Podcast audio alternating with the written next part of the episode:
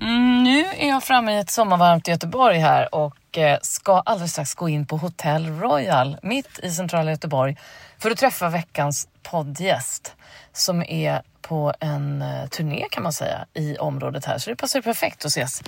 Eh, men häng med och lyssna. Under 27 år nu har jag försörjt mig på min röst genom sång, prat och ljud av olika slag i konserter, musikaler, shower, pjäser och ljudproduktioner med mera. I fyra år har jag tänkt på att jag vill göra den här podden, Din röst, med fokus på rösten som verktyg, instrument, möjlighet och skyldighet. Jag hoppas att ni får med er något nytt i varje avsnitt som alla kommer vara helt olika. Både vad gäller längd och innehåll och val av gäst. Jag heter Sanna Martin. Välkomna, nu kör vi!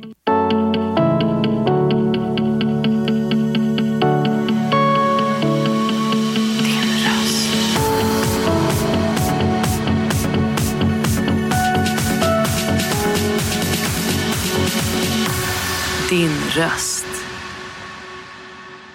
Ehm, nej men så då ska vi, ska vi börja då. Ja, vi börjar. Ja, vi börjar. Absolut. Då är det med en, en stor ära och glädje att säga välkommen till min podd Din röst, Gudrun Schyman. Tack så mycket. Otroligt kul att du ville göra din röst hörd här en stund med mig. Som du vet så vill jag göra en podd om rösten ur alla möjliga vinklar och vrår. Hur vi använder den i våra liv och i samhället i stort. Både som kommunikationsredskap och som möjlighet och ansvar. Eh, och det är ju faktiskt val om en månad och en dag idag när vi träffas. Politik är inte hela livet, men politiken ska handla om livet. Och då måste det också synas, kännas och märkas. Och det är också det som gör att andra kan tycka att det verkar kul och att and- andra kan bli engagerade. När vi får en politikerroll som blir väldigt strömlinjeformad, förutsägbar och hopbiten, så är inte det bra, tycker jag. Detta är ett citat från en intervju i Sveriges Radio för fyra år sedan inför valet 18. Jag tyckte jag kände igen det. Du som har sagt det. Ja. Har du medvetet försökt vara en röst för ett mer mänskligt och autentiskt politikerskap? Ja, det tycker jag att jag har. Jag har ju valt att vara väldigt öppen med mig själv som den människa jag är i alla de olika roller som jag har haft. Jag har ju skrivit en bok som eh, berättar väldigt mycket om mig själv eh, och eh, den heter ju Människa, kvinna, mamma, älskarinna och partiledare. I den ordningen. Och det har jag ju också uttalat när jag blev vald till partiledare. Demokratin är ju eh, helt väsentlig för att vi ska kunna använda våra röster i alla olika sammanhang. Men då måste det också finnas en respekt för det och då måste det också finnas en igenkänning. Då kan inte just politikerna bli några pratapparater med färdigskrivna eh, one-liners som man tror går hem. För då blir det ju helt ointressant. Ja, jag håller Totalt. helt med dig, verkligen. Jag har tänkt mycket på det där. I samtal nummer två i den här poddserien så pratade jag med Amanda Lind. Och då pratade vi också om det här med vilka ska orka bli politiker i det här hårda klimatet, om man inte då får göra misstag eller vara mänsklig. Ja, nej men det är, avskräcker ju många också. Från att gå in i politiska partier överhuvudtaget. För Ja. Man tycker inte det verkar inte vara där man kan få utlopp för sin kreativitet och lust. Som jag tycker måste finnas med Oh ja. när man arbetar med förändringsarbete på alla olika nivåer. Men också inom politiken. Det måste ju eh, kunna rymma att eh, jag också utvecklas som människa när jag håller på. Absolut. När du under årens lopp har hört dig själv, vad har du för relation till din egen röst? Tycker du om att höra dig själv på radio eller tv, eller har det där varit någonting du har kämpat med? Nej. Ja, jag, jag, höll på att säga, jag tror inte jag har lyssnat. det är väldigt sällan. Jag går ju aldrig tillbaka. Nej. Jag tittar ju inte bakåt, jag tittar ju envist framåt hela tiden. Så till det milda grad så att jag kanske går för fort ibland. Och, och de som ska vara med undrar vad tog hon vägen? men eh, nej, men det, jag gör faktiskt inte det. Nej. Men har du alltid tyckt det var kul att tala inför andra? Nej, jag har varit skitnervös. precis som alla andra. Och när jag började i politiken, det var ju eh, i, i partipolitiken, det var i slutet på 70-talet och jag skulle stå i Simrishamn, där jag bodde då också, det gör jag nu också, eh, och hålla tal. Du vet, man står på torget och ska säga någonting. Och jag mm. tyckte det var hemskt. Ah. Det var ju det där, stå på ett ganska tomt torg och folk tittar på en som om man inte vore klok. Och det var, jag tyckte det var jättejobbigt. Men så kom det fram någon och frågade. Det här är alltså länge sedan. Och vi, vi hade i Vänsterpartiet då en paroll som hette Bort med moms på maten. Eh, och det var, ju, det var en bra paroll då, den skulle man nog kunna använda igen.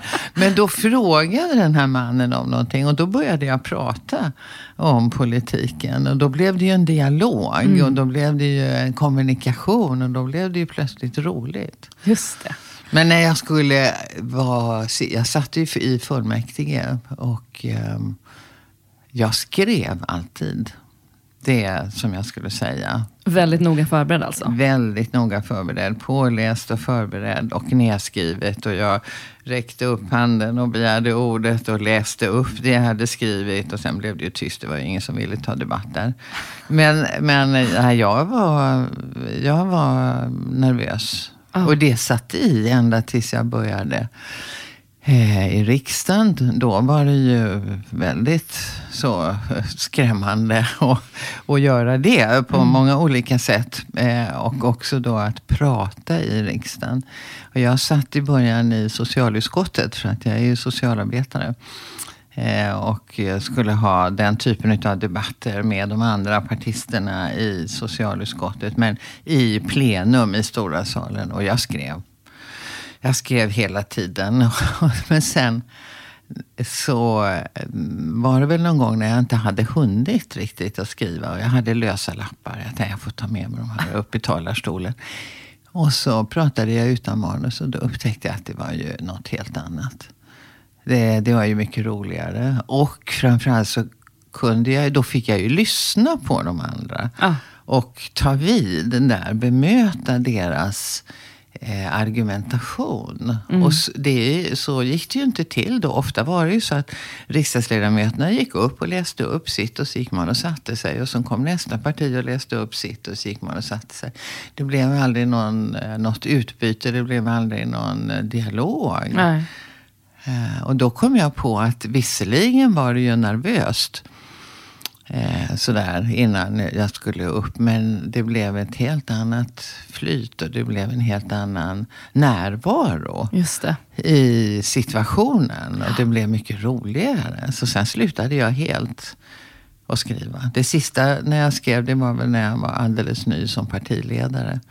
Och skulle hålla något sådana partiledaranförande. Men också där slutade jag att skriva. För att man kommer ju i ordning. Så var det då. att det, eh, det, Inte det största partiet, för det var ju statsministern kom sist, men det näst största.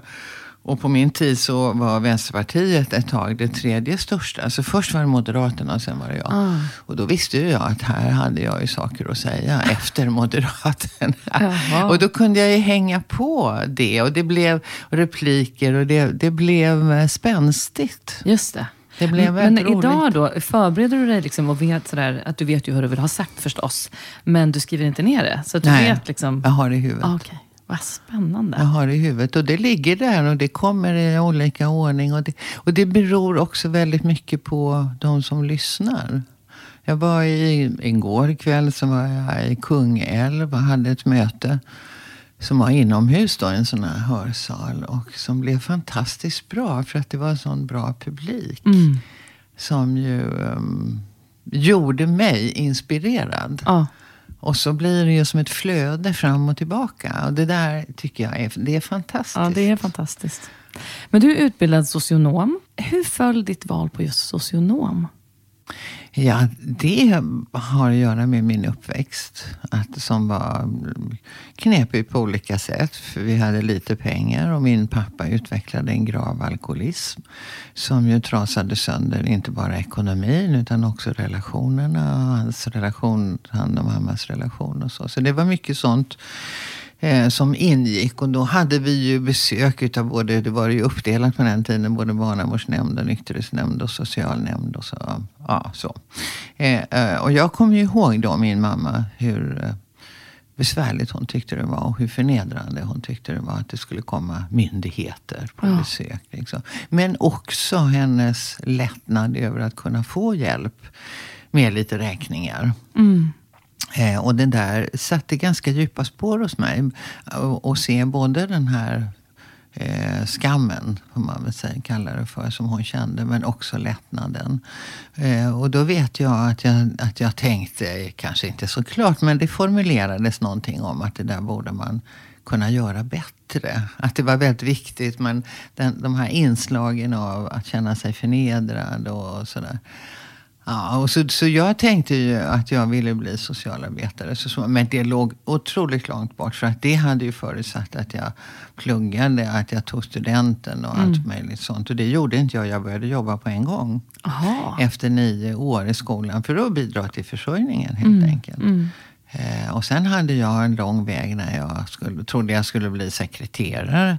Sån där tjusig med kortlagda ben och högklackat och med en snygg direktör på andra sidan skrivbordet. Jag skulle sitta där och ta stenografi. Som Just det. Du vet, han, ja, så jag läste in sånt där på kvällarna. Men sen när jag skulle eh, inta den där sekreterarrollen så kom jag på och det var också några kvinnor som jag hade som såna här kontorsmammor som berättade om att man kan ju faktiskt plugga på kvällarna och man kan ta sig in på den där socialhögskolan. Och, så det började gro sådana tankar i mig. Så istället för att byta jobb så fortsatte jag att plugga på kvällarna och läste in behörighetsbetygen. Aha. Fem som man behövde ha då för att komma in. Inte på socialhögskolan utan på något som heter PEDDAN det var man läste sociala ämnen, det var lite halvflummigt. Jag tänkte om jag kommer in där på universitetet och inne i byggnaden, då måste jag kunna ta mig till grannbyggnaden som är socialhögskolan. Ja. Så jag bytte, bytte kvällsstudier till en annan inriktning och så skaffade jag mig de där betygen och så sökte jag överallt. Och så kom jag in överallt utom i Stockholm där jag bodde. Och då blev jag arg och tänkte att de har inte fattat eh, hur det ser ut i samhället. Eh, och eh, jag överklagade. Och då, på, på, den resan så träffade jag en mycket sympatisk man som berättade att ja, men nu ska Socialhögskolan bredda sin intagning. De ska ta in fem personer på de här liksom fem behörighetsbetygen och att man ska ha jobbat i fem år. Och jag hade ju gjort det. Han mm. sa sök, du, du passar. Så jag kom in via köksvägen in på Socialhögskolan.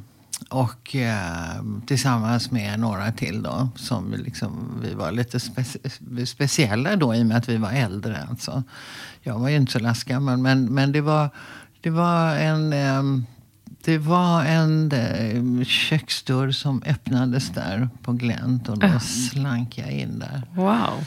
Ja, det var väldigt märkvärdigt. Och jag... Eh, jag tyckte ju att det var ett universitet. Det var en helt annan värld ja. än den jag var van vid. Och jag mm. hade enorma bildningskomplex för att jag inte hade tagit studentexamen. Nej, just det. För jag tänkte att alla som hade gjort det var smarta. Mm. Men det är speciellt det där med bildning. Jag tänker i olika hur de här komplexen kan komma i olika världar på helt olika sätt. Men, men vad, är, vad är bildning för dig som begrepp? Ja, bildning. Alltså för mig, dels är det ju att man har lite kunskaper och erfarenheter och referenser och så. Men sen tycker jag också att det är att känna till hur samhället fungerar. Mm. Och vilka möjligheter vi har inom de ramar som finns och inom det vi kallar för demokrati. De frågorna tycker jag är helt centrala. Mm.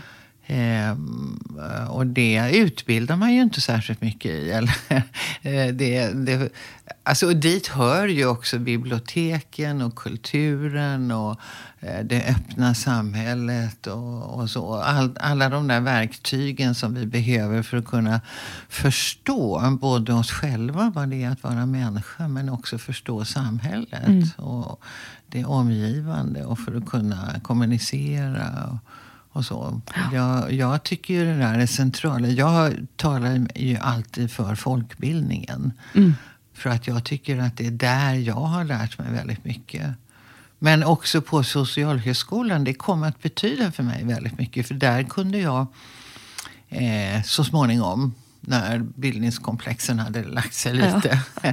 så kunde jag ju se att de erfarenheterna som jag hade under min uppväxt och hur den hade sett ut var ju värdefulla. Mm. Och när jag kunde sätta in det i ett sammanhang med ökad kunskap som jag fick genom studierna där så växte det ju där till en helhet som ökade min medvetenhet och som mm. gjorde mig också redo för handling. Oh. Att gå ut i, i och, och jobba.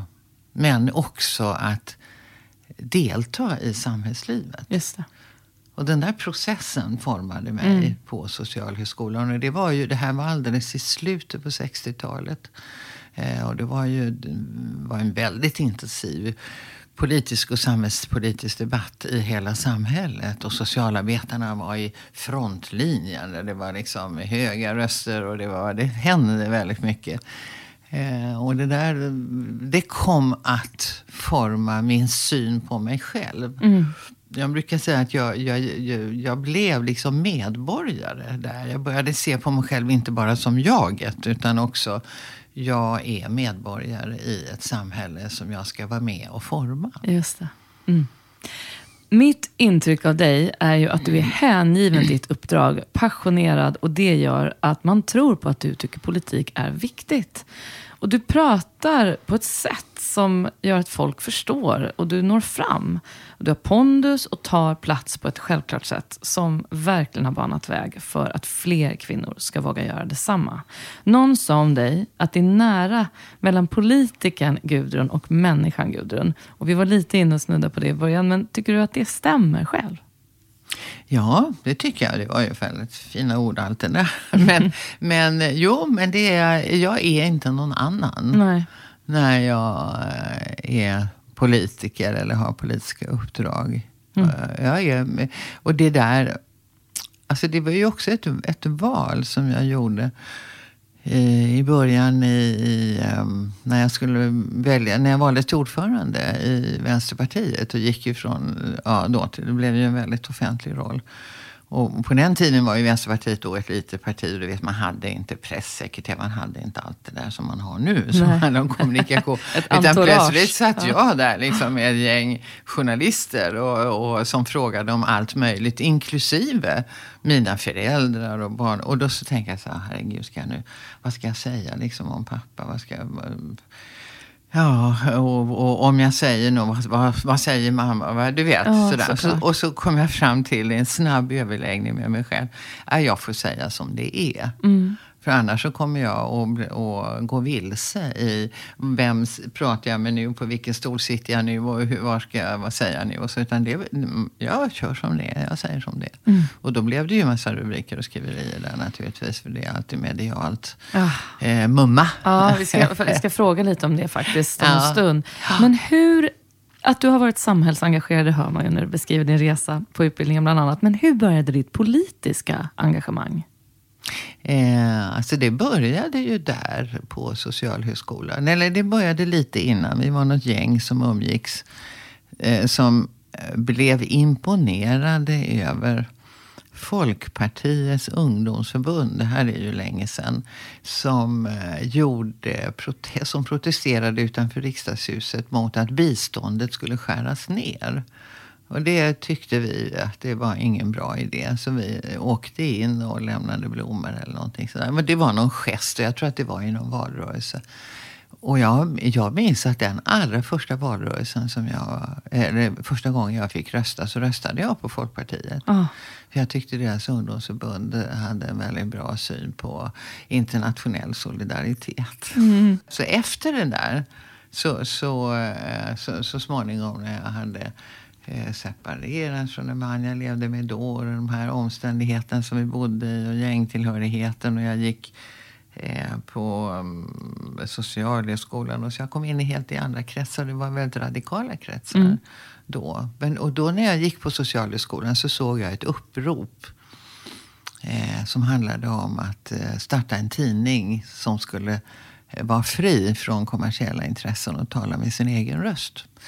Eh, och då var jag just då involverad i ett forskningsprojekt som handlade om att tala med sin egen röst. Jaha. Där jag och en kurskamrat hade eh, väldigt intressanta övningar med grupper som fick sitta och prata om saker och så lyssnade vi. Och så eh, gick vi hem och lyssnade så kom vi tillbaks och så talade vi om vad vi egentligen hörde.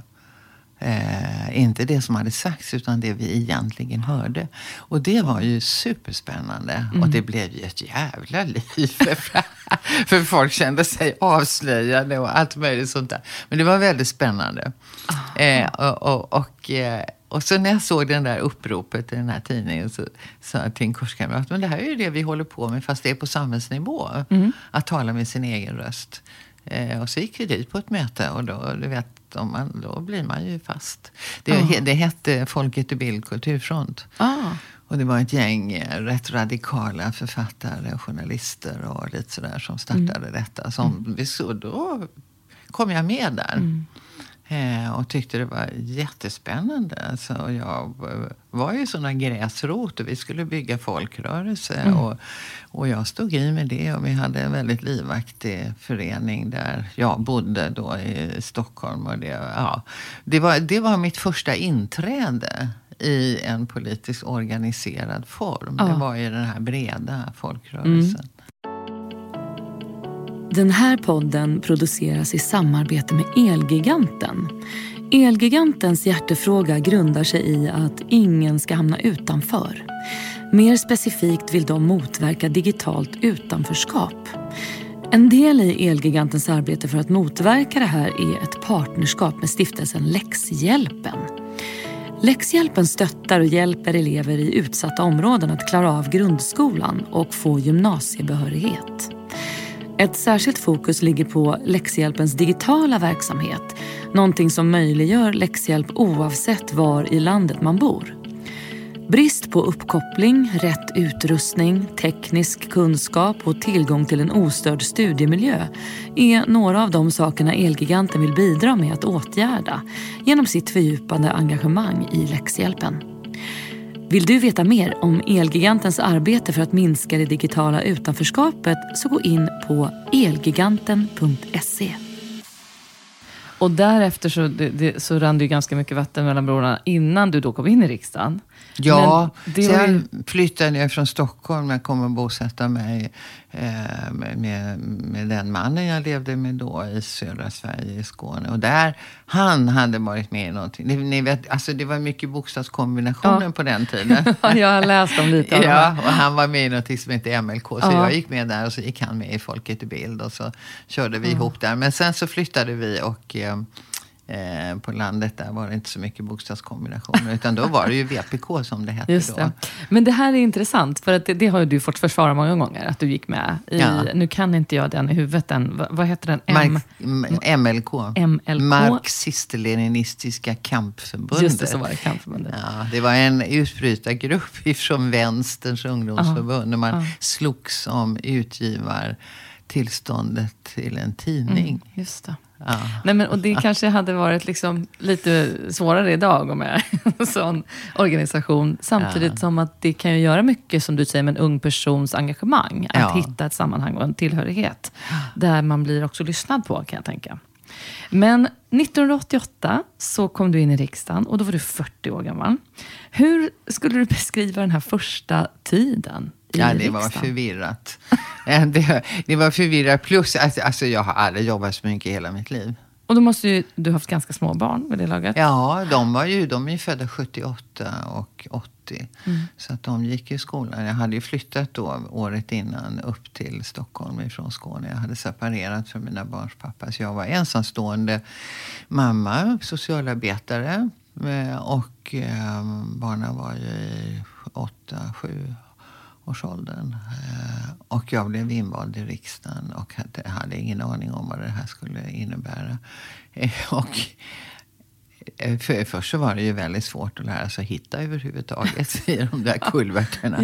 Men, men, och, och jag hade ju ambitionen då, jag, jag, eftersom alltså det här bildningskomplexet eh, drog jag ju med mig. Så jag läste ju varenda papper. Eh, och jag blev ju då placerad i eh, socialutskottet eftersom jag var socialarbetare. Och där var det ju hur mycket frågor som helst. Mm. Hela socialvården, socialtjänsten, äldrevården, kriminalvården. Allt, till och med halmbränning låg där som en sanitär olägenhetsfråga. eh, och sen så i det här partiet som var ganska litet då så skulle jag sitta i näringsutskottet för att bevaka kärnkrafts eh, Eh, nedstängningen som var överenskommet enligt eh, det eh, folkomröstningsresultat som sa att vi skulle bygga lite och sen skulle vi stänga. Ja, och jag hade varit väldigt aktiv i folkkampanjen mot kärnkraft. Mm både på den lokala nivån och på nationell nivå hade jag suttit i styrelsen där. Ja, och sen så skulle jag sitta i konstitutionsutskottet för att kunna läsa lite hemliga papper eh, och förse fredsrörelsen med information eftersom jag också var väldigt aktiv i fredsrörelsen. Ah. Så jag hade ju, och, och, så var jag då ensamstående mamma. Det här, jag klarade ju av det hjälpligt genom att jag bodde i ett kollektiv. Och vi var flera då som hjälptes åt med mm. barn och, och sådana saker. Men jag satt ju och läste handlingar på nätterna så ögonen blödde. Innan jag förstod också vilken service som jag som ledamot kunde få utav de som jobbade på kansliet där. Aha. I, eh, alltså man, man får ju handlingar eh, till specifika ärenden som är bakgrunder och hur det har sett ut genom åren. Och jag läste ju allt tills jag förstod att jag kunde läsa de tio sista sidorna. För där stod allting sammanfattat. Och så skulle man, eh, vi var ju emot det mesta så jag skulle ju skriva i, i, i reservation där. Och innan jag fattade att det kunde ju de som jobbade på kansliet hjälpa till med. Så satt jag ju själv och plita. Det är helt otroligt vilken tid det måste lagt. Och det, ja, den lilla inblicken. Jag jag hade mardrömmar. Oh. Att jag vaknade mitt i nätterna. Och just det här med eh, bildningskomplexen och att man ska... När man, när man gör, jag gjorde ju världens klassresa får man ju säga. Och, det, och den där processen eh, lämnar också efter sig inte bara hos mig utan hos många, den här känslan av att jag kommer bli avslöjad. Jag är egentligen inte kompetent att vara här. Jag, är egentligen, jag har egentligen inte den mm. utbildningen och den bildningen och jag kommer att bli avslöjad. Mm. Eh, och det där eh, eh, gjorde ju att jag drömde mardrömmar. Men det där är så himla mänskligt också, tänker jag. Hur vi nedvärderar vår kompetens ja. och att vi tror att vi är en bluff. Det här med liksom diffen i självkänsla och självförtroende. Ja. Det är ju många ja. som talar om den ja, biten. Visst. Och det, jag har jämfört med flera. Det är ju inte bara jag som reagerar så. Men för mig så, så var det så tydligt att det hängde ihop med med det här att jag inte hade tagit studentexamen. Att jag egentligen hade kommit in på Socialhögskolan via en kökstrappa. Att jag egentligen inte borde vara där jag var. Men sen dröjde det ju bara fem år eh, tills du faktiskt blev partiledare, mm. 1993. Var det självklart och kom liksom inifrån dig själv att, och ditt eget driv att ställa upp eh, som partiledarkandidat? Ja, nej, det var inte helt självklart. Jag hade ju fått frågan under ganska lång tid, eller det hade börjat att talas om att partiet borde byta partiledning och så. Då hade jag ju suttit eh, så småningom då i verkställande utskottet och varit med i den innersta kretsen och också jag var ju övertygad om att vi behövde byta. Mm. Det var inte tu tal om det. Mm. Men när, när någon sa, någon partimedlem sådär att skulle inte du kunna vi, första gången. Det var ju flera år innan då. Det tänkte jag nu är de ju helt ute och seglar. Liksom. Det verkar ju, uh, ja, så, så, men så småningom så började ju jag också känna uh, att jag skulle kunna göra det här bättre. Jag mm. jobbade ju nära med den dåvarande partiledaren och satt ju med på möten och pressträffar och mm. vet sådär. Och jag kände att jag skulle kunna göra det där bättre. Vad, vad kan du i efterhand se saknades i, för det var Lars Werner, mm. i hans ledarskap i Vänsterpartiet vid det laget? Alltså han äh, var ganska trött. Han hade ju eh, alkoholproblem som ju väldigt få skrev om. Så är det ju när det är män. Ja, då hör det ju till liksom. Eh, men, eh, och han var ju fostrad i en gammal eh, syn på vad ett politiskt parti är och hur man ska jobba. Han har ju gjort ett fantastiskt arbete, självklart. Men, men jag hade ju idéer om att vi skulle öppna upp liksom att gå ifrån den här positionen där man sitter i någon källarlokal som vänsterpartist och VPK-are heter det då och ja, tycker att man har så jävla rätt i allting och hela världen är emot en. Mm. Alltså den, den där lite... Den energin? Som, ja. Okay. Och, och, så, och jag tänkte att det måste gå att modernisera här. Det måste gå att och, och ordna korsdrag och få ut liksom, politiken. Just det. Eh, så att när jag då, alltså första gången jag fick frågan så tackade jag ju nej. Och så blev det en kongress då väldigt många ledamöter var uppe och talade för att vi ändå skulle ha ett partiledarbyte och de ville att jag skulle kandidera. Och jag stod där och tänkte att, och, och, tyckte, för att det var också att bryta ett gammeldags arbetssätt, att det ska bara finnas en och som ska väljas med acklamation. Och det liksom, så var det ju förr i mm. tiden. Eh, och det där arbetssättet tyckte jag var fullständigt stenålder. Och då så blev det en situation när många kom och sa att du måste, kan inte du kandidera, vi vill inte rösta på gamla. Så och, och, så bestämde jag, hade ju sagt nej. Men så gick jag upp i talarstolen och bestämde mig på vägen upp att nej, jag kan ju inte medverka till det här. Att det bara finns en när det finns ett missnöje och det finns flera andra. Det är, ett, det är en demokratifråga. Ja. Så på vägen upp i talarstolen så sa jag att jag bestämde mig för att jag kandiderar. Och det var kongress, du vet hur kongresser mm. är. Och det är noga planlagt och det är noga tidsangivelser och där. Det blev kaos. Jag tänkte ju säga, du måste ju ha ballat ur helt det där schemat. Ja, helt och hållet. Men helt vad, vad, vad, fick du för respons då, Gudrun, ja, när du gick då, upp och Det var ju väldigt dig? olika. Eh, och det var ju den dåvarande ordföranden fick jag ju efter det aldrig en bra relation till tidigare. Oj. Han tyckte jag hade stuckit kniven i ryggen på honom. Nej, det blev ju, allt blev ju upp och nervänt och eh, det blev kaos och de flesta politiska frågorna fick vi ju skjuta till något annat tillfälle och så. Och journalisterna skrev naturligtvis jättemycket och då skrev de att det var ju bland annat så här, ja det var ju synd, det kunde ha blivit något av henne. Oj, För om man oj, utmanar oj. makten och inte vinner, sen är man rökt. Eh, och jag sa, nej jag tänker inte, jag ska inte sluta. Jag, så, och så sa jag, jag gjorde inte det här för att vinna. Utan jag gjorde det här för att bryta ett arbetssätt som är väldigt mm. unket. Och visa och att det finns alternativ. Dåligt. Och visa, och jag, det är ett fattigdomsbevis i ett parti om en partiledare blir vald och en tredjedel lägger ner rösterna. Ja. Det måste ju finnas fler. Mm. Så jag gick ju upp och gratulerade att han hade vunnit och sådär. Men, men det blev, relationen var helt körd mm. efter men att, det. Att vara pionjär, som man ju ändå måste verkligen säga att du har varit, eh, och kvinna och ledare. Det måste ju ha kostat på givetvis. Hur skulle du säga att du vid, det här, vid den här tiden när du blev partiledare hade ögonen på dig? Och hur har du känt själv kring att gå i bräschen? Jag har nog känt det som att jag gör det som är nödvändigt. Att det, alltså när, jag, när jag då vid nästa kongress tackade ja till att bli ordförande, så jag funderade ju på det så, såklart utifrån min situation som ensamstående mamma. Och jag fick ju försäkra mig upp, uh, att jag hade uppbackning runt om och sådär. Mm. Eh, och så var det ju det här också att jag var först som kvinna att bli kongressvald partiledare.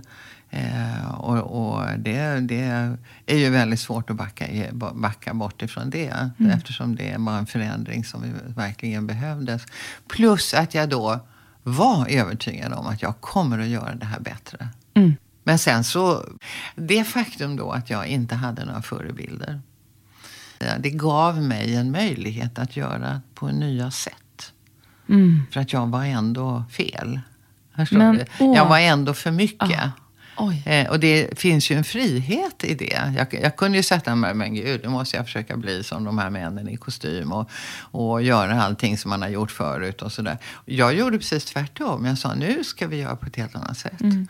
Alltså nu öppnar vi alla möten och jag strök en massa interna möten. Alltså jag, min roll kan ju inte vara att jobba inne i partiet. Min roll måste ju vara utåtriktad. Utåt, att prata med folk så fler förstår. Ja, och det ingen idé att liksom övertyga de redan övertygade. Nej. Och massa, jag delegerade hej vilt och sa du är en gruppledare där, det tar du hand om, du tar hand om det där. Kom till mig om det är några problem. Så du, du gjorde, om jag förstår det rätt, att liksom, taket blev lite högre inom partiet. Mycket, mycket högre. Och jag det- ordnade korsdrag, jag höjde taket, jag öppnade fönsterna och, och, och sa att jag kommer inte på några interna möten.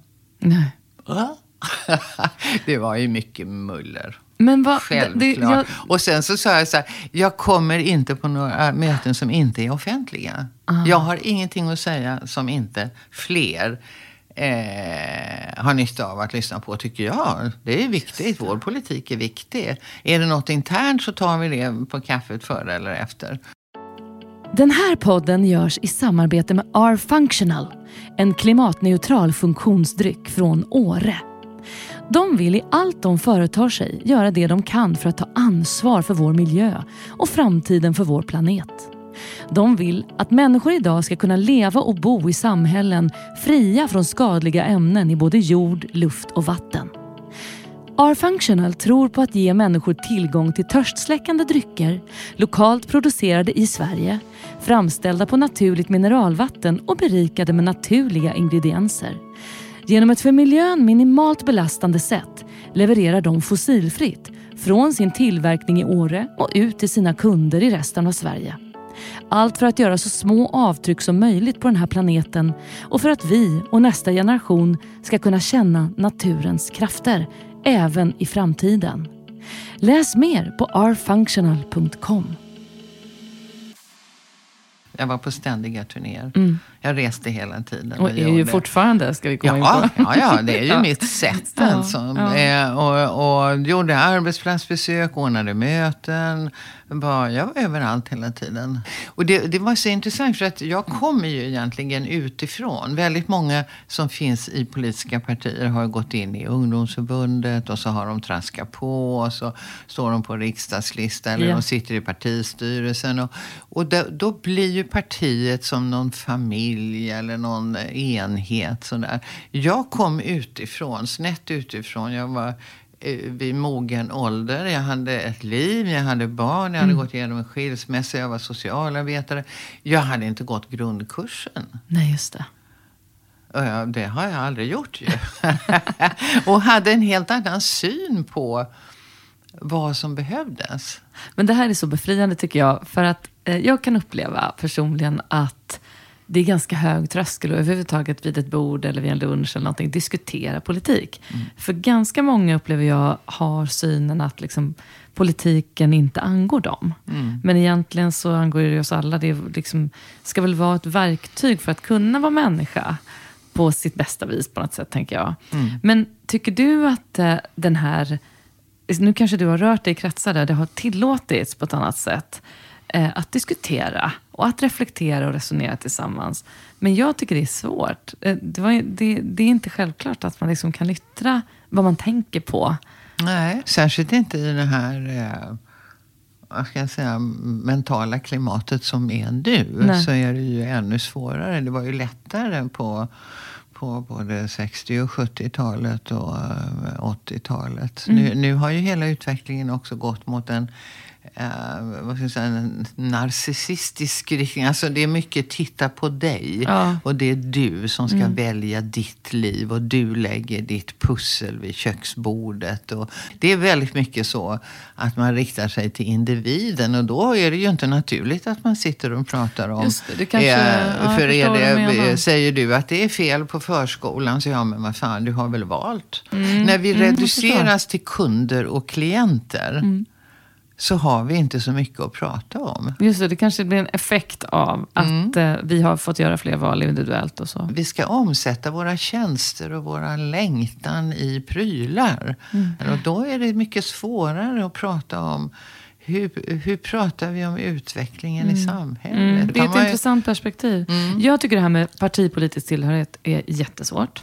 Jag har alltid eh, varit en ambivalent väljare och har tyckt att det varit svårt att känna eh, vart jag hör hemma. Och jag har kunnat känna mig lite avundsjuk på alla som är övertygade. Och när jag röstar så kan jag ibland hamna i att tänka på vad som är minst dåligt här och nu. I, utifrån hur jag ser det. Hur blev det att du hamnade vänsterut? Hur blev det att du landade i att det här vill jag stå för? Ja, det handlade mycket om uh, min, uh, alltså mitt, ska säga, min bakgrund, min sociala situation.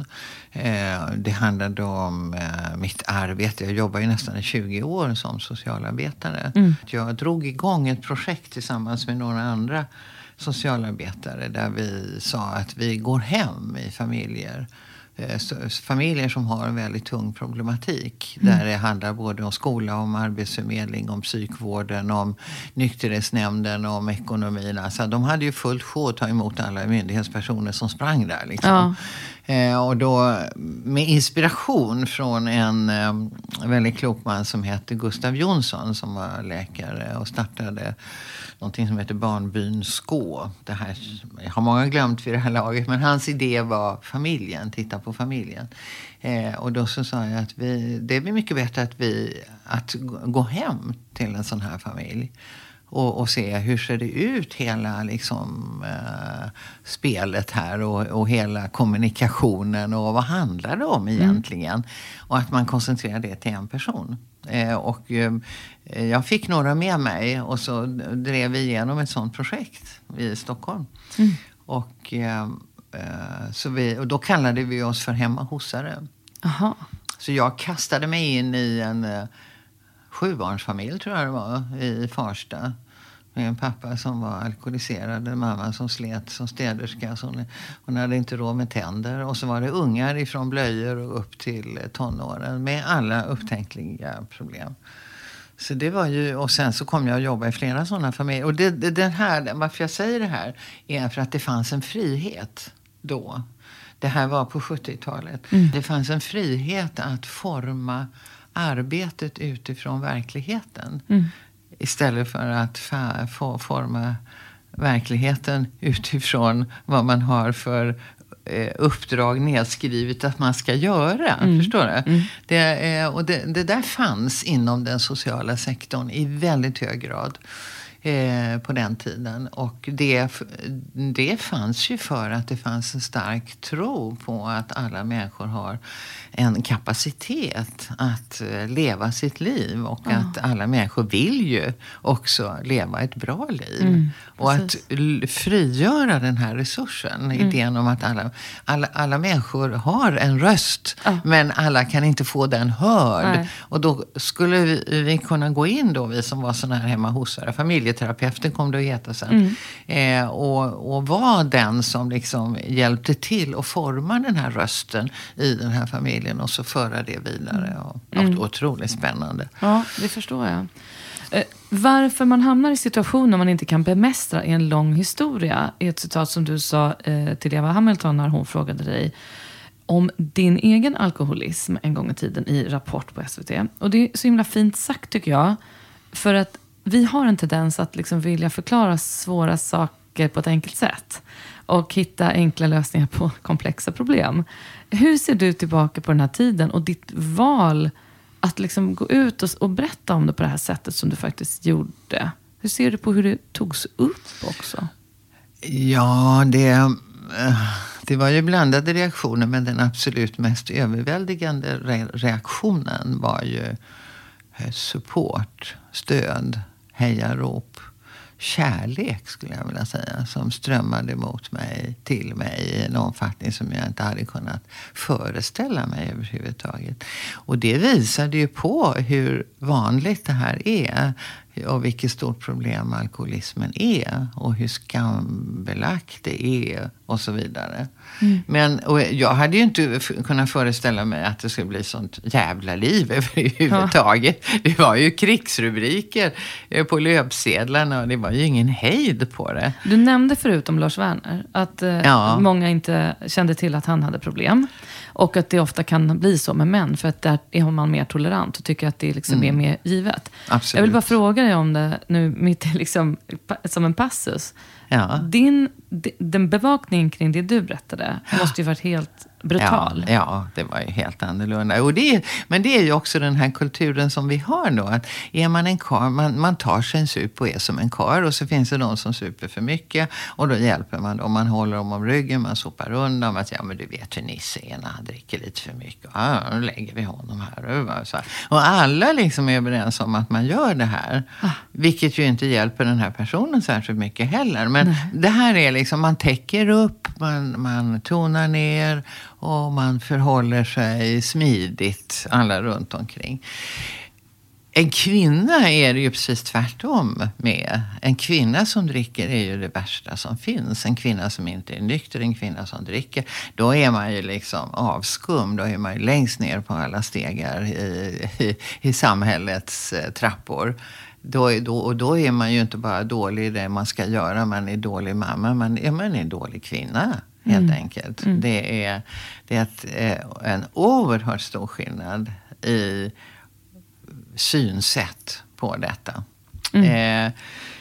Eh, och när jag valde att, att gå ut och säga, säga som det var så, så var det ju för att jag, jag såg ingen annan lösning. Mm. Efter lite olika snurr så, så kom jag så småningom in i en bra behandling och jag förstod eh, att här handlade det om livet. Mm. Och det är dit man måste på något sätt. Det är ju dit man kommer i den här sjukdomen när man utvecklar ett sånt kemiskt beroende. Kroppen utvecklar ett sånt kemiskt beroende. Så att då måste man ju göra ett val. Um, och då, den här sjukdomen är ju dödlig.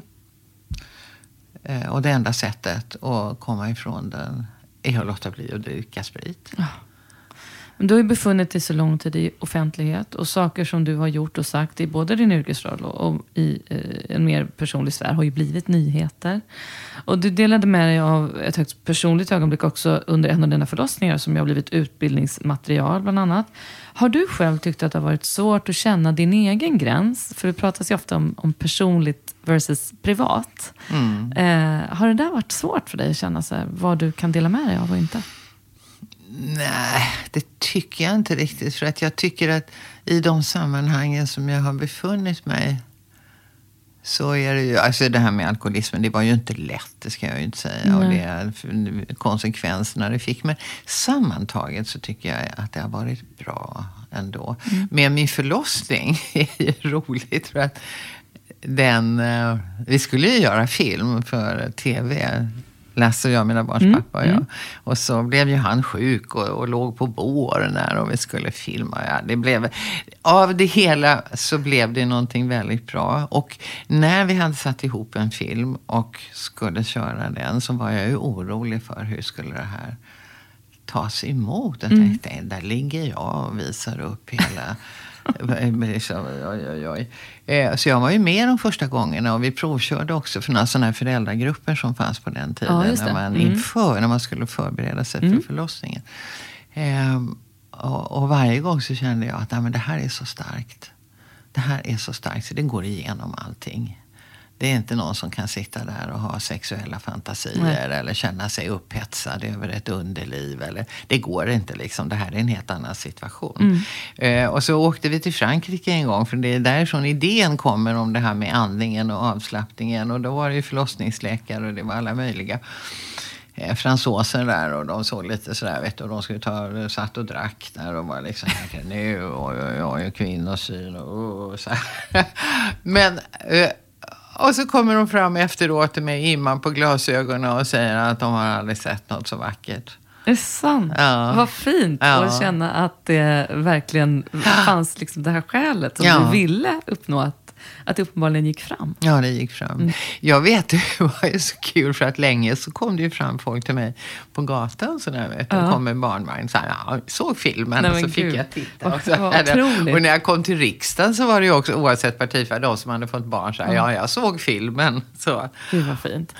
Men vi ska prata lite om att det då är val alldeles, alldeles snart. Ehm, och jag såg att du hade sagt att de partier som sitter i riksdagen vill inte ha in något nytt. Det handlar om makt. Och det är ju rätt logiskt kan jag tänka när man hör det citatet. För eh, du har ju inte bara startat, du har ju inte bara varit partiledare för Vänsterpartiet i tio år. Du blev också initiativtagare till Fi och nu den 17 mars 2022 så registreras ytterligare ett nytt parti hos Valmyndigheten, Klimatalliansen. Eh, som ni startade ett gäng i höstas 2021 av personer som länge har varit aktiva i samhällsdebatten men inom olika partier och på olika sätt. Du själv, Anders Wikman, Kristina Persson och KG Hammar bland annat. Och ni kommer ju som sagt från helt olika håll. Hur uppstod det här initiativet? Från allra första början uppstod det runt ett köksbord. Mm. Som alla som goda. så mycket annat. Ja, precis. Vi var några som satt och pratade och som landade i det här med klimatet. Och eh, Greta och alla unga och sådär. Och så sa vi, för vi var vi som satt där och då, var då i min ålder. Och så sa vi, ja men vi är ju lika, vi är pensionärer, vi är ju lika fria som ungdomarna. Vi har ju gjort våra karriärer, vi har liksom gjort, vi har den pension vi har och vi gör det vi gör. Vi behöver inte vara rädda för någon. Vi kan ju gå ut, vi kan göra revolt. Mm. Sa jag. och sen så blev det av det en förening som mm. heter Fria Pensionärer som jobbar med att um, bevaka och kritisera och lyfta fram hur de svenska AP-fonderna beter sig runt om i världen när de placerar våra pensionspengar. Mm. Men på vägen dit så arrangerade jag i, i Kungsträdgården en stor klimatmanifestation med hela den här bredden. Mm. Eh, och sen så tyckte alla att det var så bra och det var mycket kultur också, sång och musik och så. Och så när pandemin hade lagt sig så började jag dra i de där trådarna igen med sikte på valet. För att jag tycker att klimatkrisen är en fråga av en helt annan dignitet än de andra frågorna. Mm. Och ändå behandlas det som om det vore en fråga bland alla andra. Ja, ja, nu pratar vi arbetslöshet, nu pratar vi gängkriminalitet, nu pratar vi klimat, nu pratar vi pensioner. Nu är, alltså så är det ju inte. Nej. Den här frågan är ju livsavgörande. Ja, det handlar om överlevnad. Mm. Inte bara för oss utan också flera andra arter mm. inom det här mm. planetära systemet. Och nu vet vi så mycket av forskningen. Vi har alla kunskaper, vi har egentligen medvetenheten. Mm. Nu måste vi också våga dra slutsatserna mm. av detta. Och då måste man förstå att det här parlamentariska systemet och hur vi har riggat det med olika områden och olika så här, det, det funkar inte. Nu är det kris krisinsikt, nu är det nödläge, nu är det krisorganisation mm. som måste till. Och då måste det till en modig politik över partigränserna. Då måste man kravla sig upp ur de ideologiska skyttegravarna och se problemet. Mm. Och vad gör vi? Mm. Tillsammans. Vi måste göra det tillsammans. det, det räcker ju inte med ett parti. Det räcker inte med två partier. Vi måste ha en handlingsplan tillsammans. Ja. Och det, det är det som klimatalliansen vill pusha för. Vi sa, vi, vi, börjar, vi började ju i höstas då. Och, och så har vi en fem, 15 punkter. De är inte kontroversiella, men det är vad vi kunde enas om med den politiska bredd som finns bland oss 2000 som finns i den här klimatalliansen. Mm. Och på den riksdagslista som vi nu har. Och så sa vi, det här borde ju alla kunna enas om och då måste det gå före de här frågorna måste prioriteras. Men vad händer om ni kommer in i riksdagen nu då? Ja. Eh, eh, hur skulle ett ytterligare parti kunna vara behjälpligt i den här frågan där du säger egentligen att vi behöver se det över och mm. bortom mm. partigränserna? Mm. Hur kan då ytterligare ett parti lösa den problematiken? Genom att vi fungerar som en blåslampa i baken på politik och beslutsfattare. Vi hoppas ju på det. Det är, ju det. det är därför vi håller på nu och, och harvar runt här på, på torgen och, och försöker med folkbildningens och demokratins alla verktyg och medel att utöva påtryckning. Mm. Och det bästa sättet eh, man kan göra det enligt min erfarenhet är ju att utnyttja det läge som är. Mm. Och nu är läget att vi har en valrörelse och ett val. Mm. Så när vi startade på hösten så sa vi, nu ser vi, kan vi formera en sån här bred rörelse? Och det kunde vi.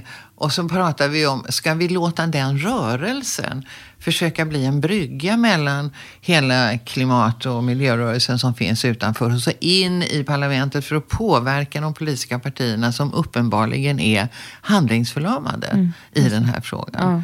Ja, det skulle vi. Och så ansökte vi om en partibeteckning. Men vi är inget politiskt parti. Ah, Okay. Vi är en grupp mm. som har enats om 15 krav. Mm. Eh, och, och, vi är allt ifrån pensionärer till eh, gamla avdankade politiker och, och ärkebiskopen och det är mm eh, Extension Rebellion, det är fältbiologister. Mm. Det, är, alltså, det är en väldigt brokig ja. skara. Och det är precis så som det ser ut. Ja, och det tycker jag är spännande. Ja. Att ni inte liksom och vi liksom säger så här, vi går inte till val utifrån ideologiska ståndpunkter. Vi går till val utifrån vad vi vet om klimatkrisen och dess konsekvenser. Mm. Och framför allt går vi till val på att vi måste göra någonting nu. Nu, nu, nu. Och nu behövs vi. Och nu måste vi fatta modiga politiska politiska beslut. Och de måste gå över mm.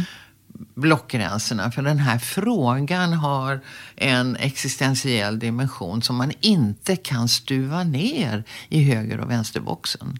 Nej, det går inte. Det är så sant. Sverige är inte bäst i klassen. Nej, men det tror jag i och för sig aldrig att vi är. Men... Nej, men alltså, Nej, men det är ju, om, om man räknar med inte bara utsläppen i det egna landet, i det egna territoriet, mm. utan räknar med vad som också ingår om vi tittar på konsumtion, så är vi en värsting. Mm. USA är värre, sen kommer vi. Om hela jordens befolkning skulle leva på samma standard som vi gör, med vår källsortering och med allt ja, vi gör, mm. så behöver vi 4,2 jordklot till. Mm. Och det har vi inte. Mm. Alltså vi gör enorma avtryck runt om i världen. Genom att vi har en, en, ett sätt att leva på som inte tar hänsyn till de, de planetära gränserna. Vi måste förstå att vi, om, om vi ska få ner utsläppen och det är ju det som är prio nummer ett nu. De ska ner 20 procent varje år nu.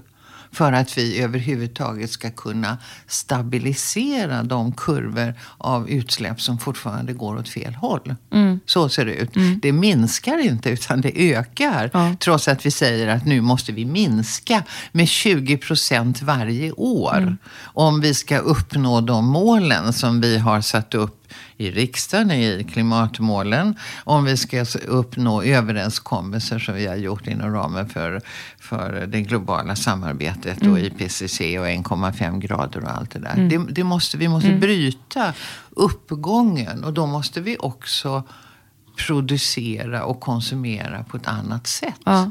Jag brukar säga, det kan ju låta brutalt men det är, jag kan jämföra med covid när det kom. Mm. Plötsligt så förstod människor att nu är det allvar. Politikerna samlades. Mm.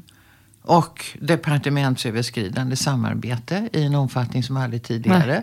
Bort med stuprören, in med hängrännorna mm. så att mm. det blir ett flöde av samarbete. Och gemensamma politiska överenskommelser utifrån en insikt om kris. Ja. Och det är det vi behöver ja, ha nu. Och det var politiska beslut. Vi fick inte gå ut. Nej. Vi fick inte gå hit. Vi fick inte gå dit. Framförallt fick vi inte kramas på ett helt år. Snacka om mm. beslut mm. som begränsar Nej, vår individuella mm. frihet. Och det visade ju att det går ja, att ta svåra, och pengar fanns och de, ja. mm. det var stöttning här och det var stöttning där. Mm. Även om kulturen mm. fick för lite och så vidare. Men mm. det var en handlingskraft. Absolut. Och de politiska ledarna tog sitt politiska ansvar. Mm. Nej, men jag håller med. Och detta borde ske nu omkring den här frågan. Det är ju det som vi eh, vill ha. Det, mm. det, det är därför vi blåser på. Mm. Vi måste se ett politiskt ledarskap i den här mm. frågan. Som är av precis samma dignitet fast ännu större. Ja, men absolut. Och där, men jag håller helt med. Och jag tycker det är jättebra att du beskriver det här med att Sverige inte är så bra som man kan tro. Alltid. Jag tycker generellt att vi är ganska dåliga på att titta på vad som går bra i andra länder. Till exempel i vissa politiska frågor. Så är Sverige ganska så här självsäkert ofta och tittar inte på så här, det här vill vi ta efter. I den här frågan så, så finns ju en enighet liksom i FN och så vidare och i många, många länder jobbar för samma sak. Men jag tror att man ibland kan bli helt matt när man liksom som enskild individ som ska gå och rösta eh, som du säger, dels så ser man att det liksom finns ingen bred överenskommelse kring att alla vill lösa det här. Eh, det pratas om det, men det händer ju inte så himla mycket. Men det, det är också svårt och snårigt kan jag tycka, när man liksom kikar på så, ja, hur är det eh, min ena syster bor i Kina. Liksom. Där, där ser det ut på det här sättet. Och I Indonesien ser det ut på det där sättet. Och eh, hur, hur liksom alla storbolag och handel emellan världsdelar. Alltså det är så himla stora frågor som gör att jag åtminstone kan känna mig så väldigt liten mm. i den här frågan. Mm. Eh, för självklart vill jag att mina barn och deras kommande barn ska kunna bada i havet och äta fräsch mat och andas. Och, få se snö på vintern. Självklart vill man det. Jag hade du bott i Skåne så hade den tiden varit förbi ja. när det gäller snön. Ja, jag vet. För mina barnbarn kommer inte att kunna krama några snöbollar. Nej. I Skåne har vi bara tre mm. årstider numera. Mm. Det är en väldigt påtaglig skillnad. Ja. Och då tänker jag på mitt minsta barnbarn som är två och ett halvt. Han kommer ju inte att lida utav det för han vet inget annat. Men jag kan ju känna en sorg. Verkligen jordens resurser är ändliga mm. och vi behöver krympa oss tillbaks så att vi kan behålla balansen. Jag tänker på det när du pratar om det här med att vi blir vanedjur. Vi, vi vänjer oss vid mycket och så vidare. Och eh, då tänker jag på det här med feminismen. Att det går ju liksom inte att underskatta din betydelse för feminismen i, i Sverige åtminstone. Eh, jag tänker att eh, skälet till att det här har varit en svår puck och jämställdheten borde kommit längre, det är ju också att, att många vant sig vid hur det bör vara och hur det bör se ut och hur det oftast har sett ut och vad vi oftast har kunnat se för ledarskap och så vidare. Hur tänker du kring den här frågan idag och hur den har utvecklats? Feminismen, jämställdheten och hur det ser ut runt alltså, om i samhället. När eh, Feministiskt initiativ kom, när jag var med och skapade, mm. eh, så var det ju för att vi behövde få upp de här frågorna på en annan nivå. Mm.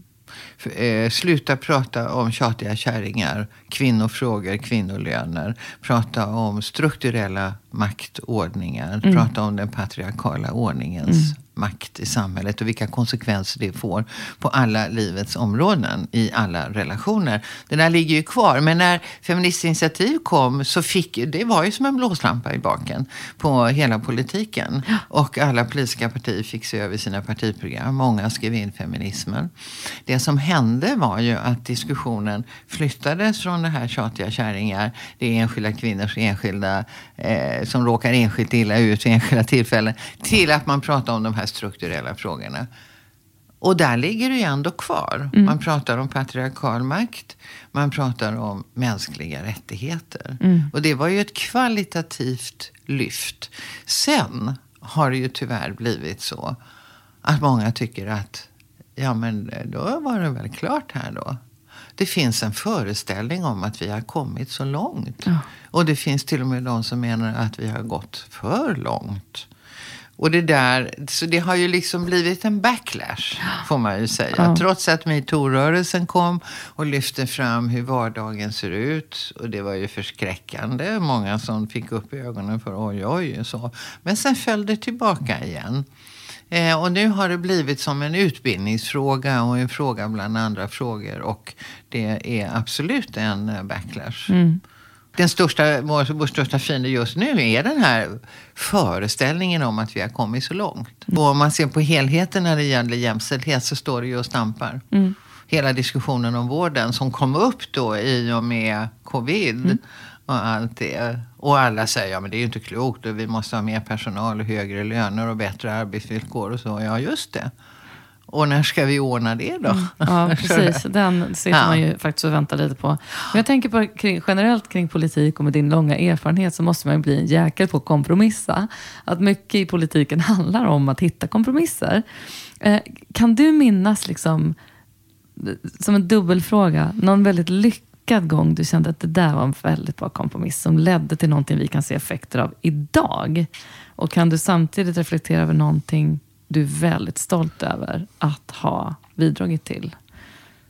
Ja, nej, jag kan nog inte lyfta fram någon särskild fråga. För det är ju som du säger, man sitter i förhandlingar och då är det ju hit och dit och man tar och man ger och så. Väldigt ofta så blir ju resultatet en utredning. Mm. Och det är också därför som jag vill eh, larma om, om detta nu att vi har bildat klimatalliansen för att vara en blåslampa i baken på alla de förhandlingar som sen kommer att komma efter valet. Ja. Så att klimatfrågan inte blir en av, en av de som kompromissas bort. Just det.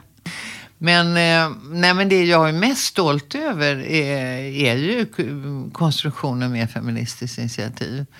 Eh, och jag tycker hela det, alltså det, det handlar ju om att självständighetsförklara feminismen som en egen ideologisk utgångspunkt för politiskt arbete, förändringsarbete, inklusive parlamentariskt arbete. Minns du när du själv kom i kontakt med begreppet feminism eh, och vad det sa dig på den tiden? Det var ju när jag eh, satt i riksdagen och när jag eh, blev vald till eh, partiledare. Alltså jag var ju inte uttalad feminist då. Då hade jag väl aldrig blivit vald. För då tyckte man, de hade tyckt att det var för mycket.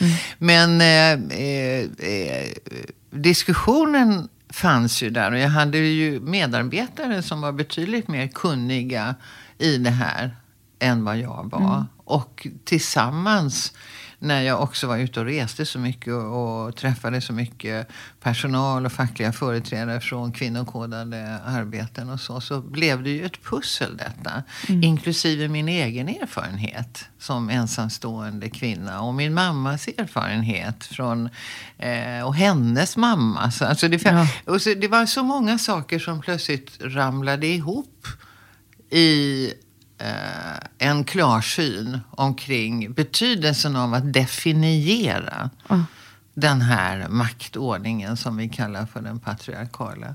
Ehm, och, och det, det, det var en kollektiv process helt Ja. enkelt som jag är väldigt glad över. Och väldigt glad över att jag hade så bra medarbetare omkring mig. Ja. Som både kunde och vågade Jag också. tänker- Och jag vågade ju. Det Ja. var ju jättebra. Jag, jag, jag såg det kommer på tv nu, någon sån här tal. Någon, någon dokumentärserie, tal man inte glömmer. Politiska tal. Nej, vad kul. Mm, det kommer nu den här Ja, det veckan. måste tror jag ju kolla in. Och då, är, då såg jag ju, de har någon sån här trailer, vet du, och då såg jag ju att talibantalet är ju det som ligger där. Mm. När folk trodde att jag sa att alla svenska män är som talibaner. När jag i själva verket pratade om att det är strukturer som är patriarkala, både där och här. Mm. Men du sa tidigt i vårt samtal att när du gick in i politiken så saknade du förebilder. Ja. Eh, hur känns det när du tänker på att du har blivit eh, mångas förebild, inte minst kvinnor inom politiken? Det är svårt att föreställa sig. Vet du. Hur gör man det? Jag- vet ju att det är så. Jag får ju många bevis för det på olika sätt. Och jag blir ju rörd varje gång. För det där spänner ju definitivt över partigränserna. Jag har ju bestämt mig här i den här poddserien för att jag bjuder in en från varje parti så att säga. Eh, men som inte är valbar och liksom minister eller partiledare idag. Också för att få olika perspektiv. Och då är det otroligt kul att sitta och läsa på om alla. Eh, både individuellt och liksom partierna. Och, och att det finns nästan alltid poänger och bra saker och inspirerande punkter att ta fasta på hos var och en som, som jag har fått möta. Ehm, och en grej som jag tänkte på var att när jag var i riksdagen och hälsade på och var på ett par möten under vintern så slog jag, slogs jag av att det var så god stämning mellan olika partiföreträdare. Och hur vänligt man talade med varandra och hur högt i tak det verkade vara rent socialt. Och du kunde aldrig liksom tänka att det skulle vara så. Och så sa jag det till någon, varpå de sa ja, välkommen och säg det till tidningar. De vill aldrig skriva om någonting som är kul här inne. Har du samma bild, att de här åren liksom var roliga rent liksom arbetsmiljömässigt och socialt? Eh, får gärna Ja. berätta om du har något så här härligt roligt minne från din eh, partiledartid. Nej, men jag, har, alltså, eh, jag, var ju, eh, jag var ju inte så mycket där. ska jag säga. Eller jag var där när jag var tvungen att vara där och när jag deltog i debatter och så. Men sen så var jag ute och reste väldigt mycket. Men, men jag håller ju med om att det, alltså man skiljer ju på parti och person. Eh, Och det finns ju skitstövlar överallt. Också i det egna partiet. Eh, och det finns fina människor överallt. Oavsett parti. Eh, och, det, och, det, och det där man hittar ju varandra och man blir vänner och man, blir, man umgås på ett bra sätt. Fortfarande är det ju så i riksdagen om du tittar på placeringen. Jag tror att det är kvar så att man sitter ju bänkvis från regioner. Mm. Efter vad, så där har ju Dalabänken och ah, där har ju Norrlandsbänken. Och det är ju grupper som håller ihop ah. också. Ah. Som ses på rummen eller vad de... Alltså förstår du? Där finns det en mm. grund för gemenskap, mm. den geografiska. Mm. Eh, och sen finns det lite olika. Det är klubbar och det är studiecirklar och det mm. är allt möjligt där. Det är ju en hel värld. Ja, det är verkligen det. Eh, det är fascinerande. Det man får ju... beundra engagemanget hos alla ja, som ägnar så stor tid av sina liv. Men det tycker där. jag. Vet du. Jag, jag har aldrig träffat någon som är inne i politiken som inte är det utifrån ett engagemang. Nej. Det har jag aldrig gjort. Jag har alltid eh, tyckt att jag, människor jag möter Alltså man gör så gott man kan. Mm. Och sen kan inte alla bättre. Nej, eh, precis. Alltså, så, men det är ju inte någon illvilja som driver in någon i politiken. Och särskilt inte om man tittar i kommunpolitiken. Där, där är ju, man får ju jobba otroligt mycket. Eh, och helt ideellt alltså. Mm. Och har, mm. väl, har inget stöd överhuvudtaget. I riksdagen har man ju mycket support på ja. olika sätt. Ja.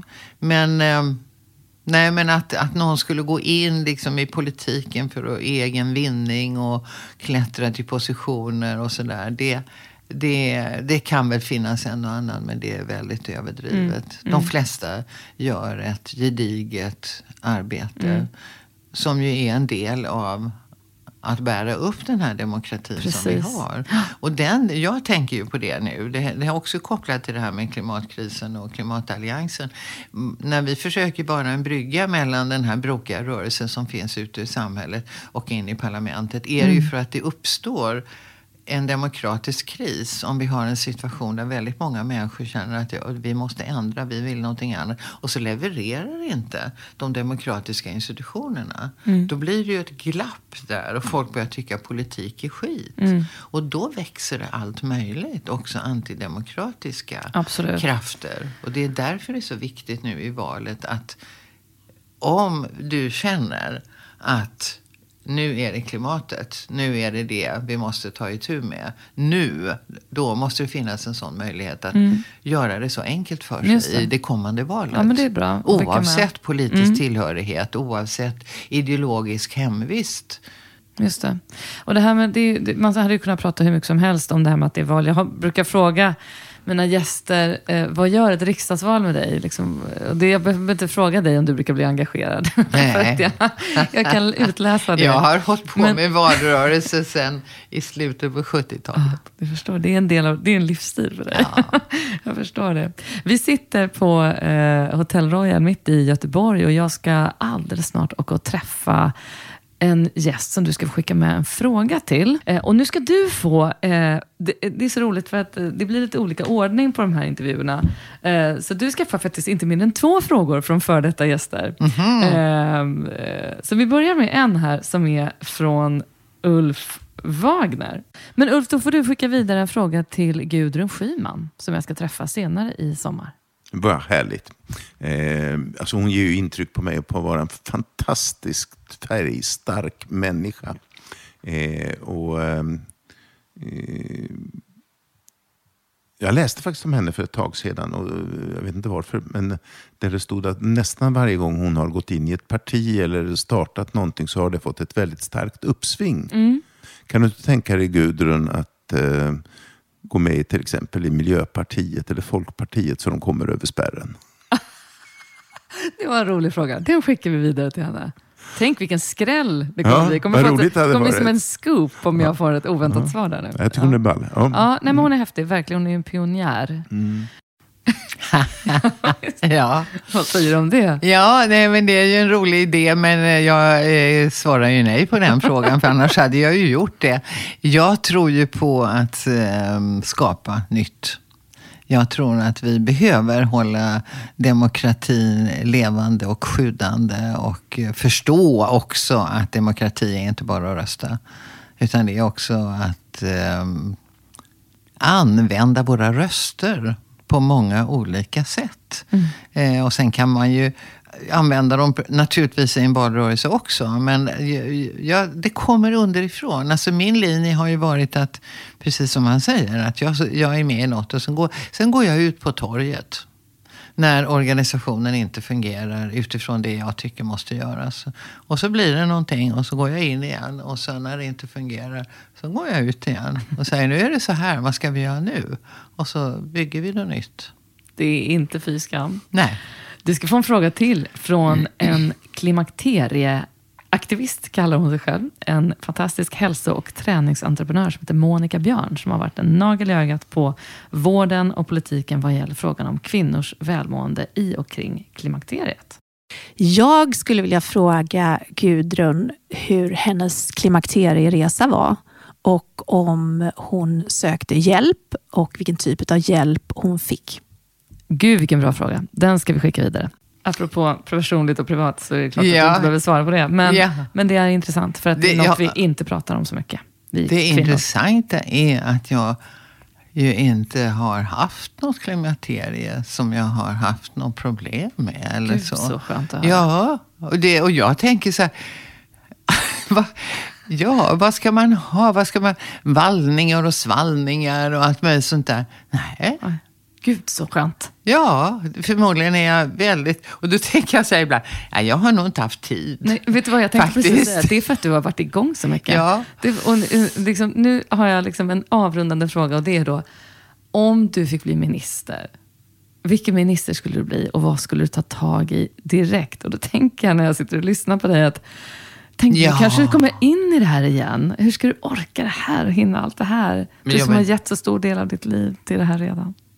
Ja, jo men det är klart att jag kan bli minister.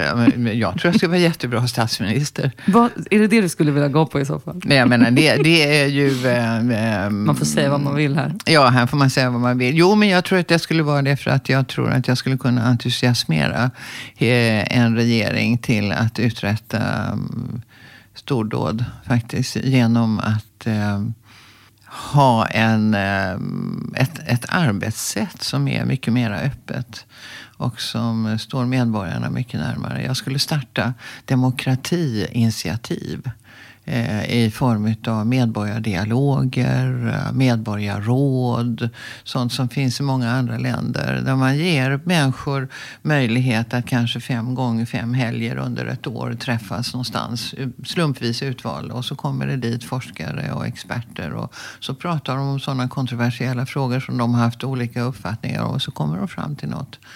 Det, det, är att ut, jag skulle vilja utveckla demokratin. Så jag ska nog bli demokratiminister. Bra svar. Ja. Hoppas att någon hörde och, och tar ja. efter. Och framförallt när du säger entusiasmera. Så det skulle man ju önska att alla ledare gjorde faktiskt.